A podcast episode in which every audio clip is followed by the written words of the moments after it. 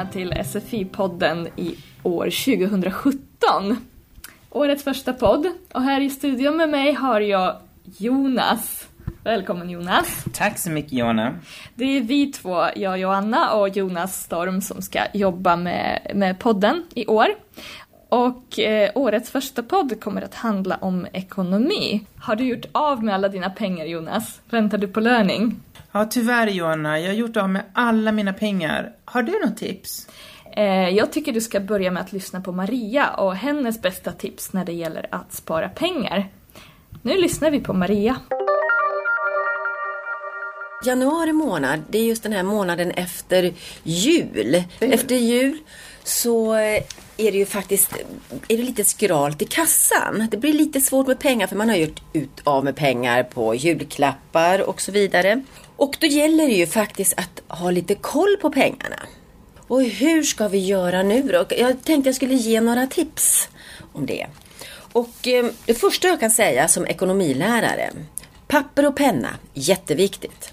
Gör en liten budget. Och vad är en budget? Ja, det är en ekonomisk planering. Det är att skriva upp hur mycket pengar får jag in den här månaden och du skriver upp hur mycket pengar måste jag ge ut med? Och då är det det jag måste är ju hyra, matkostnader och så vidare. Det finns faktiskt vissa kostnader du kan spara på.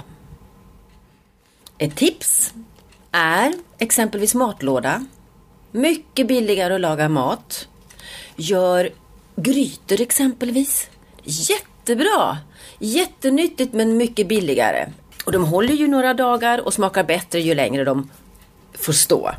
En annat exempel är det här med kaffe. Kaffeköp. Och om vi räknar med att en kaffekopp kostar 10 kronor. Två koppar om dagen är 20 kronor. Per vecka blir det 100 kronor. En hel månad blir det 400 kronor.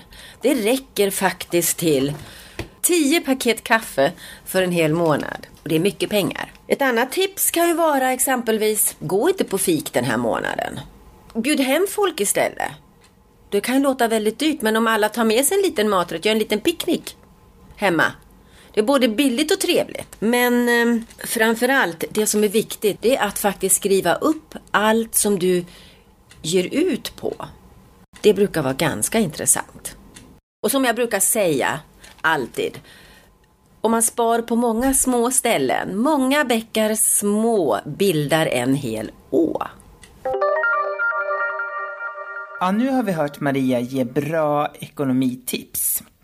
Hon sa bland annat gör en budget. Mm, det är viktigt. Hon tipsade också om att ta med matlådor till jobbet eller till skolan. Ja, och hon sa också att man ska begränsa sina onödiga utgifter. Till exempel takeaway kaffe eller fika, bröd eller tidskrifter eller smågodis och sådär. Mm, sånt som man brukar köpa men man kanske inte måste. Ett annat tips, kanske inte hela tiden men då och då kan man tänka på att träffas hemma hos kompisar eller bjuda hem folk istället för att gå på restaurang eller café. För där kostar ju maten ganska mycket men om man lagar själv och bjuder kompisar och de tar med sig någonting då blir det ju billigare och trevligare. Ja, det blir det. Eh, men det viktigaste tipset Maria gav, det var faktiskt att man ska skriva upp vad man köper så att man blir medveten om var går alla pengarna. Mm. Har du några fler tips Johanna du kan ge? Eh, ja, man behöver ju inte bara spara, man kan ju tänka på att man redan har mycket hemma. Till exempel, man har ju mycket mat i frysen eller i skafferiet som man inte hinner äta upp. Och då kan man ju laga mat på det som man redan har. Eller tänk garderoben och förrådet, hur mycket saker man har där som man inte använder. Det kan man kanske sälja på nätet. Så man kan sälja saker second hand och tjäna extra pengar. Men man kan också själv köpa second hand istället för nytt. Ja, det har du rätt i. Man kan ju också tänka så här, måste jag verkligen ha det här? Mm, många köper ju på impuls. Impulsköp är ganska vanligt och det är där man eh, spenderar mycket pengar i onödan.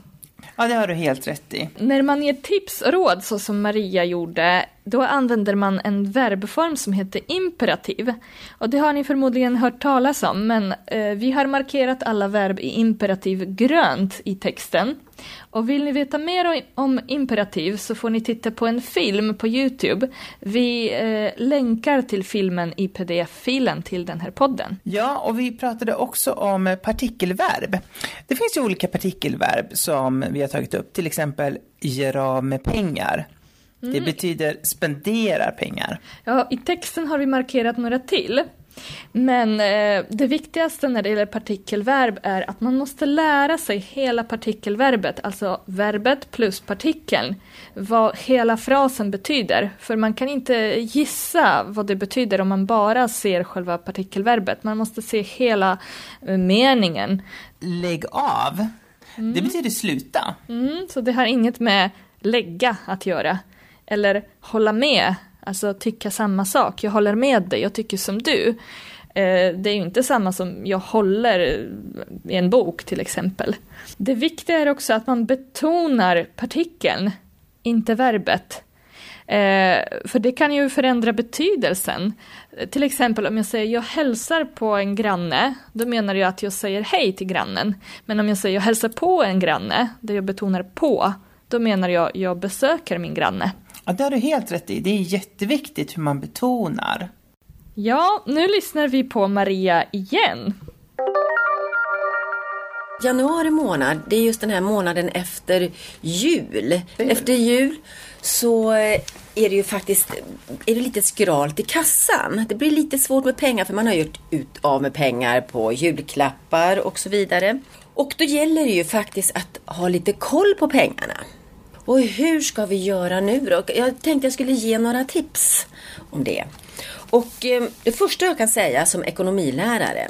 Papper och penna, jätteviktigt. Gör en liten budget. Och vad är en budget? Ja, det är en ekonomisk planering.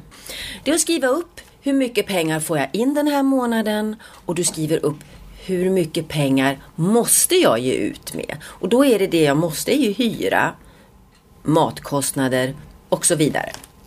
Det finns faktiskt vissa kostnader du kan spara på.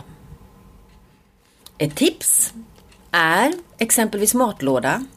Mycket billigare att laga mat. Gör grytor exempelvis. Jättebra! Jättenyttigt men mycket billigare.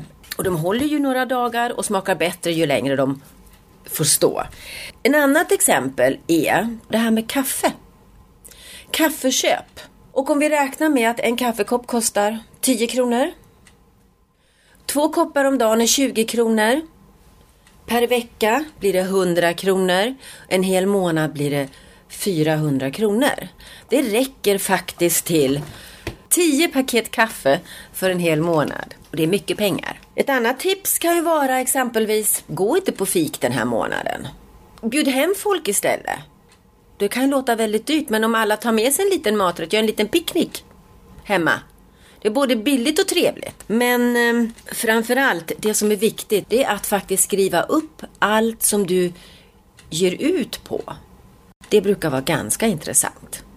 Och som jag brukar säga, alltid, om man spar på många små ställen, många bäckar små bildar en hel å. Ja, och Johanna hoppas att ni har tyckt att podden har varit bra. Vi hoppas att ni delar våra dialoger, laddar ner dem och läser pdf-filerna. Mm, vi hörs snart igen. Det gör vi. Hej då!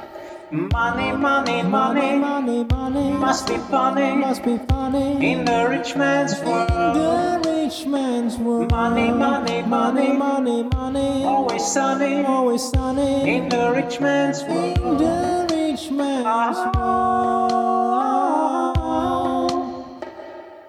All the things I could do if I had a little money. It's a rich man's world.